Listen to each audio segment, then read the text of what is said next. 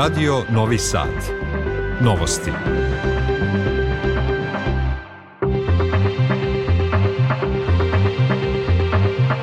Poštovani slušalci, dobar dan. Ja sam Goran Pavlović. Moje ime je Jadranka Mitić. Vesti dana.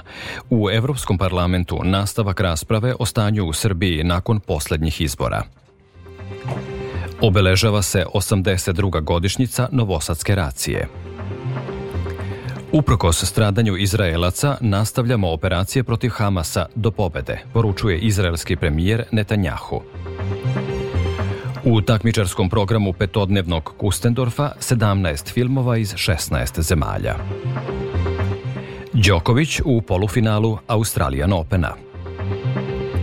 Zbog naizmenične kiše, snega i poledice upozorenje na dodatni oprez u saobraćaju. U Vojvodini do kraja dana postepeno razvedravanje. Sutra umereno oblačno uz moguću kišu i temperaturu do 10 stepeni. Prema poslednjim merenjima u Novom Sadu je 5 stepeni.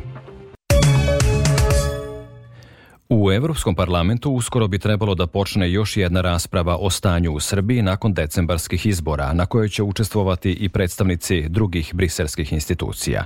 Deo evroparlamentaraca smatra da je debata preuranjena, odnosno da bi bilo bolje da bude održana kada stigne završni izveštaj.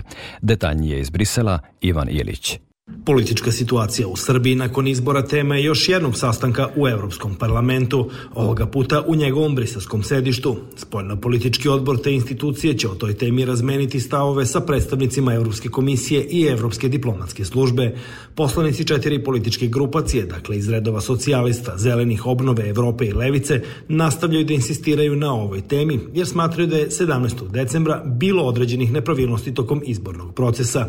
Jedan broj poslanika pre sve svega iz Evropske narodne partije i desni orijentisanih grupacija, smatra da je za stavljanje tačke na ovu temu neophodno sačekati finalni izveštaj posmatračke misije ODIRA, kancelarije OEPS-a za demokratske institucije i ljudska prava, koga još uvek nema, a koji bi trebalo da stigne u narednim nedeljama. Kakav je rezultat današnje debate, biće poznato i za 17 časova i 30 minuta, do kada je planirano da traje današnja radna sesija. Podsećamo da je stanje u Srbiji nakon izbora bilo predmet prošlonedeljne debate u Strasburu, gde će se 8 februara i glasati o rezoluciji koju je predložio austrijski poslanik iz redova socijalista Andras Šider.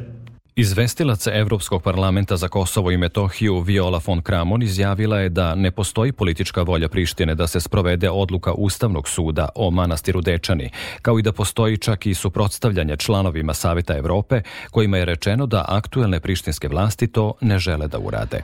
Viola von Kramon je u emisiji Slobodno srpski za Medija centar Čaglavica rekla da postoje određeni principi u Savetu Evrope da ono što pruža Ustav nije loše, ali da sprovođenje i ostvarivanje ustavnog okvira kasne.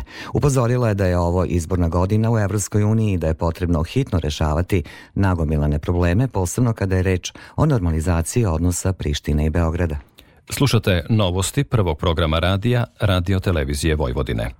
Godišnjica Novosadske racije obeležena je kod spomenika porodica. Racija Hortijevske Mađarske počela je 4. januara 1942. Ubijanjem u Šajkaškoj nastavljena je u Novom Sadu, a završena 25 dana kasnije u Bečeju i u tom periodu ubijeno je više od 4000 ljudi, najviše Srba i Jevreja. U Novom Sadu racija je počela 21. januara, a više od 1300 ubistava dogodilo se na današnji dan. Tela ubijenih bacana su pod led Dunava. I ove godine održan je pomen stradalima u organizaciji grada Novog Sada, eparhije Bačke i jevrejske zajednice. Opširnije Slobodan Vidović. Minutom čutanja za nastradale u podne je počeo program obeležavanja 82. godišnjice na keju žrtava racije, nakon čega se obratio gradonačelnik Novog Sada Milan Đurić. Poručio je da strašni zločini prošlosti ne smeju biti zaboravljeni. Zakoračiši hrabro u budućnost, Novi Sad nije i nikada neće zaboraviti svoju prošlost. Završen je postupak projektovanja budućeg memorialnog centra žrtvama pogroma u Bačkoj. Njegova buduća lokacija kod Štranda predstavljaće autentičnu vezu sa prošlošću koja će budućim generacijama sačuvati sećanje na hladne januarske dane 1942. godine. Svaki rat u ljudskom rodu je tragedija, rekao je episkop Bački Irine i nakon molitvenog pomena Srpske pravoslavne crkve. Pozvao je da budemo što bolji ljudi i tako doprinesemo iskorenjivanju iskonskog zla. Vaspitavanju mladih naraštaja kroz negovanje kulture sećanja jeste sveta dužnost svih nas. Zato sa nestrpljenjem i radošću unapred očekujemo što bržu izgradnju memorialnog centra žrtava pogroma u Bačkoj, gde će se između ostaloga raditi na daljem prikupljanju istorijske građe i otkrivanju nepoznatih detalja pogroma. Komemorativni obred jevrejske zajednice pomeni besedu držao je vrhovni rabin Srbije Isa Kasijel. On je dodao da ono što se događalo za vreme nacista može da se dogodi i danas, jer je svet postao još veštiji u varvarizmu. Jevrejski odgovor mora biti onakav kakav su jevreji Izraela dali tokom šestodnevnog rata. Nikada više. Ako treba umreti, bolje umreti s puškom odbrani nego u koncentracionom logoru ili u gasnoj komori nikad više. Am Israel Haj. Vence ispred spomenika porodica položili su predstavnici grada, pokrajine, ambasade Izraela i Mađarske u Srbiji, predstavnici gradova i opština iz cele zemlje. Sa broda Vojske Srbije venac je spušten u Dunav uz prisustvo ministra odbrane Miloša Vučevića. Pomen stradalima održan je i kod spomen ploče na Novosadskoj plaži Štrand. Od 20 časova u Srpskom narodnom pozorištu biće izvedena predstava Nekršteni dani učenika i profesora gimnazije Laza Kostić, na koju je ulaz besplatan. Delegacija Saveta ministara BiH, koju predvodi predsedavajuća Borjana Krišto, sastala se u Sarajevu sa predsednicom Evropske komisije Ursulom von der Leyen i premijerima Holandije i Hrvatske, Markom Ruteom i Andrejem Plenkovićem. Planirani su i sastanci sa zajedničkim kolegijumom Parlamentarne skupštine Bosne i Hercegovine i predstavnicima civilnog društva. Biće analizirani koraci koje su poslednjih dana načinili domaći političari u ispunjavanju 14 prioriteta iz mišljenja Evropske komisije.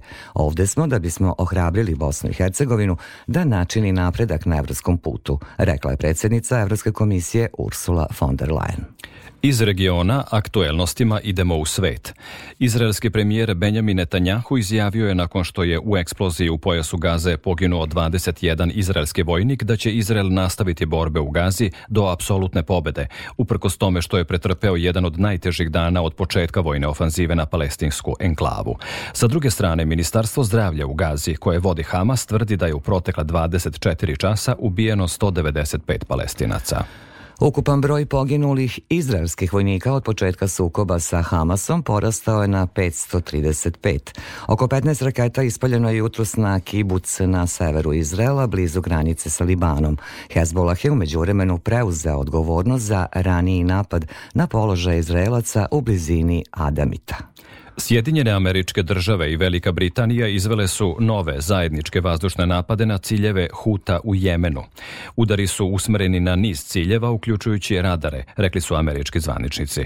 Napad je izveden uz podršku Australije, Bahreina, Kanade i Holandije, navodi se u zajedničkoj izjavi koju je potpisalo šest zemalja. Većina ranijih udara bila je usmerena na pojedinačne raketne položaje sa kojih se verovalo da Huti spremaju da lansiraju projektile ka Crvenom moru. To je odgovor na napade Huta koji tvrde da gađaju brodove povezane sa Izraelom, a koji prolaze kroz tu važnu trgovačku rutu. Prethodno su Amerika i Velika Britanija rekle da ne traže sukob sa Hutima, već pokušavaju da zaštite rutu Crvenog mora. Broj ubijenih u vazdušnim napadima ruskih snaga na Kijev i Harkov povećan je na pet, a najmanje 40 ljudi je povređeno, saopštili su ukrajinski zvaničnici. U Harkovu su u ruskom vazdušnom napadu pogođene dve više spratnice, a prema preliminarnim podacima tri osobe su poginule, a oko 30 je povređeno. Ruske snage već nekoliko dana nadiru iz svih pravaca ka centralnom delu Avdejevke. Iako ukrajinska vojska još odoleva, ruske snage neprekidno granatiraju iz vazduha taj ukrajinski grad, dok jedinice pokušavaju da izvedu jurišne operacije.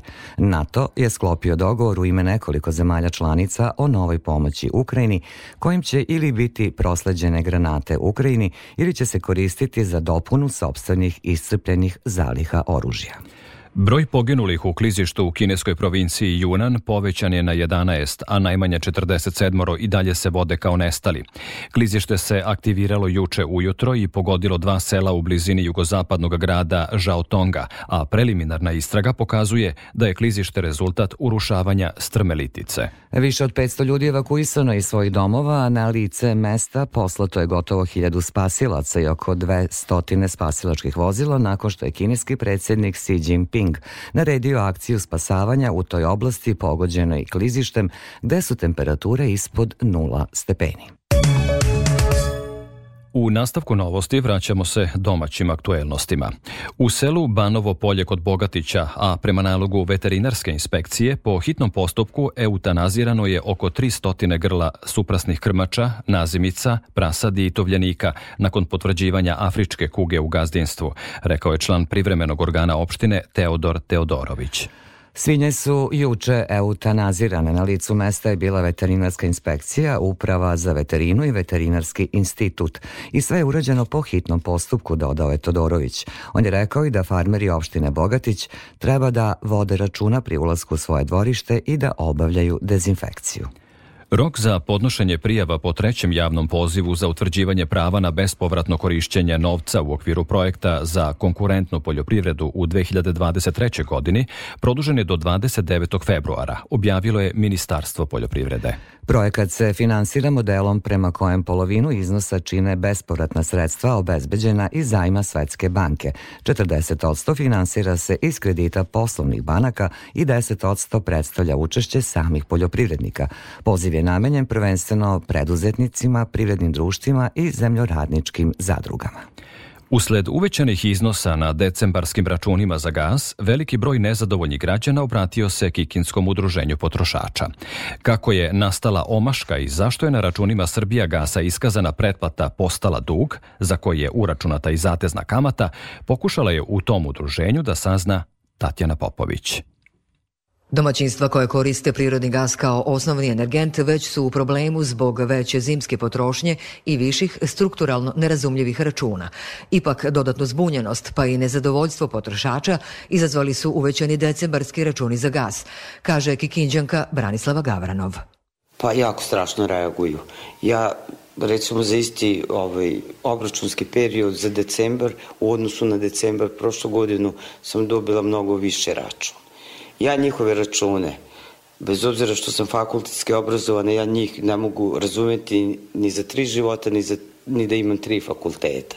Kako naglašava Darko Cvijan iz Kikinskog udruženja potrošača, od nadležnih u Srbijagasu pokušali su da dobiju precizan odgovor usled nastalog nesporazuma. U najkraćem, na novembarskom računu za gas iskazana je pretplata koja, kako je naknado utvrđeno, nije bila realna. Potrošači su dobili novembarske račune, platili ih misleći da se u pretplati. Ta pretplata se iz novembra prenela na decembar i u decembru su potrošači zaduženi za taj minus koji im je u novembru bio prikazan kao pretplata.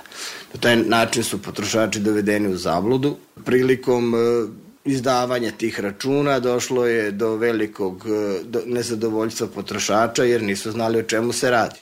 Prema rečima našeg sagovornika, u Srbija gasu je potvrđeno da će nastala razlika biti nadoknađena sa januarskim računima. Faktički, po obećanju čelnika Srbija gasa, ta zatezna kamata kojima je bila obračunata u toku decembra meseca će sa januarskim računom biti stornirana i vraćeno stanje na ono realno koje treba da bude. Da bi dodatno olakšali mogućnost uvida potrošača u obračun utrošenog gasa, Kikinsko udruženje potrošača objavit će na društvenim mrežama strukturu i način izračunavanja računa za gas. Ostaje pitanje koliko će i ta vrsta pomoći biti od koristi prosečnom potrošaču. Poražavajuća je činjenica da je broj stanovnika Srbije sveden na nivo od 1961. godine kada je bilo 6 miliona 600 hiljada stanovnika, kažu u Republičkom zavodu za statistiku. Prirodni priraštaj od 1992. stalno je negativan, tako da je u periodu od poslednjih 30 godina skoro milion osoba više preminulo nego što je rođeno. Pojedinosti Marija Maleš. Kada je reč o opštinama u Srbiji, muškarci u proseku najduže žive u Sevojnu, Kniću i Bajnoj bašti 74 do 75 godina, a najkraće u Novom Kneževcu, Sečnju, Negotinu, Baču i Kovinu, gde je životni vek između 67 i 68 godina. Žene najduže žive u Čajetini, Sevojnu i Žagubici između 79 i 80 godina, a najkraće u Kučevu, Sečnju, Malom Iđošu i Kneževcu i to između 73 i 74 godine, kaže za Radio Novi Sad rukovoditeljka Grupe za demografsku analizu i projekcije Republičkog zavoda za statistiku Ljiljana Sekulić. Posmatrano i regionalno Vojvodina ima najniže vrednosti za očekivano trajanje života. U Vojvodini očekivano trajanje života ukupnog stanovništva 74,7 godina, muškarci žive 70 72 godine, a žene 77,5 godina. U Beogradu je e, oko dve godine duži životni vek nego u Vojvodini, a i u regionu Šumadije i zapadne Srbije i u ovom južnom regionu južne i istočne Srbije se duže živi nego u Vojvodini. Naša sagovornica objašnjava i to koji faktori u Vojvodini utiču na kraći životni vek njenih stanovnika. Faktori koji utiču na kraći životni vek su uh, ekološki, mislim na kvalitet vode, na zagađenost vazduha, zatim, uh, zatim način ishrane. Uh, prema podacima instituta Batut, uh, Vojvodina prednjači po broju gojaznih lica mm -hmm. i fizička neaktivnost, recimo.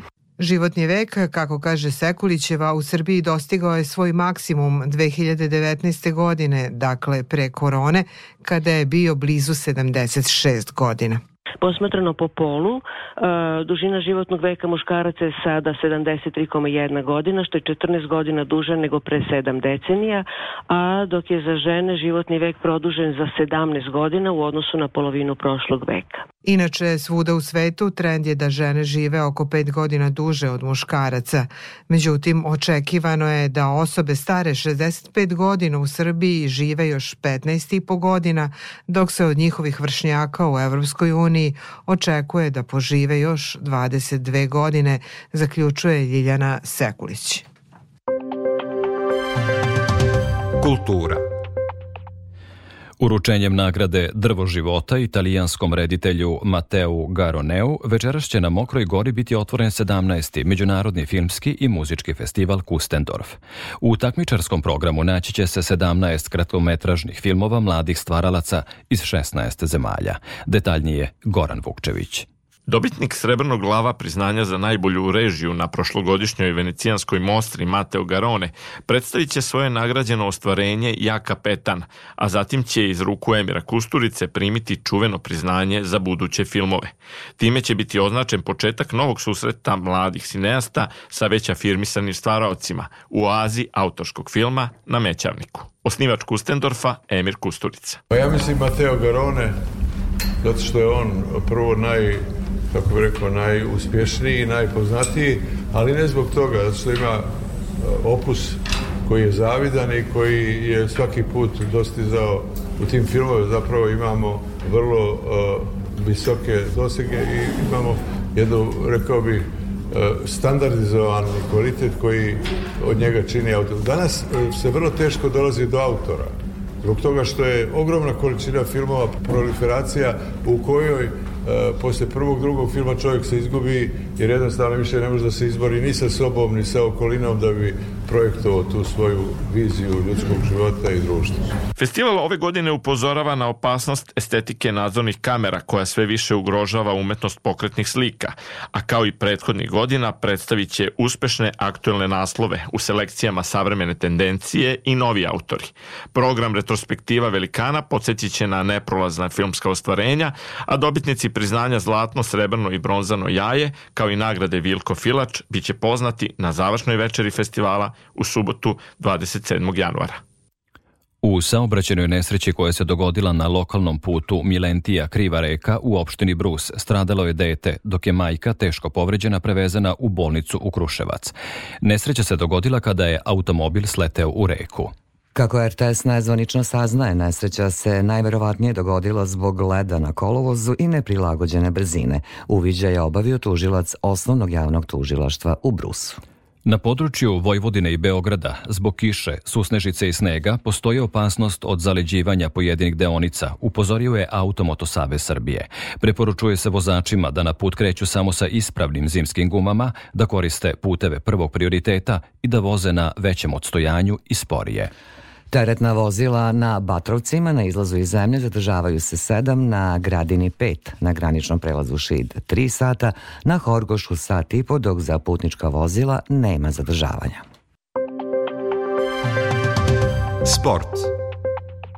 Najbolji teniser sveta Novak Đoković savladao je Taylora Frica sa 3-1 po setovima 7-6, 4-6, 6-2, 6-3 u četvrtfinalu Australijan Opena. Đoković će u polufinalu Australijan Opena igrati protiv boljeg iz duela Andrej Rubljov i Janik Siner.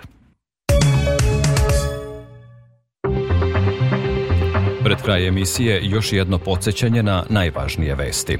U Evropskom parlamentu nastavak rasprave o stanju u Srbiji nakon poslednjih izbora.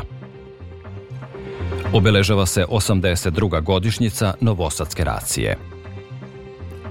Uprkos stradanju Izraelaca, nastavljamo operacije protiv Hamasa do pobede, poručuje izraelski premijer Netanjahu. U takmičarskom programu petodnevnog Ustendorfa 17 filmova iz 16 zemalja. Đoković u polufinalu Australijan Opena. Zbog naizmenične kiše, snega i poledice, upozorenje na dodatni oprez u saobraćaju. Prema poslednjim merenjima u Novom Sadu je 5 stepeni. Da čujemo i opširniju prognozu. U Vojvodini u sredu ujutru pretežno vedru u slab mraz. Pre podne sa severozapada na oblačenje koje će posle podne usloviti kišu. Najpre na severu, a oveče ponegde i u ostatku pokrajine. Najniža temperatura od minus 4 do minus 2, a najviša od 6 na severu do 10 na jugu Vojvodine. U četvrtak promenljivo i vetrovito u smenu sunčanih i oblačnih intervala. Duvaće umereni jak severozapadni vetar. Za Radio Novi Sad, meteorolog Miodrag Stojanović.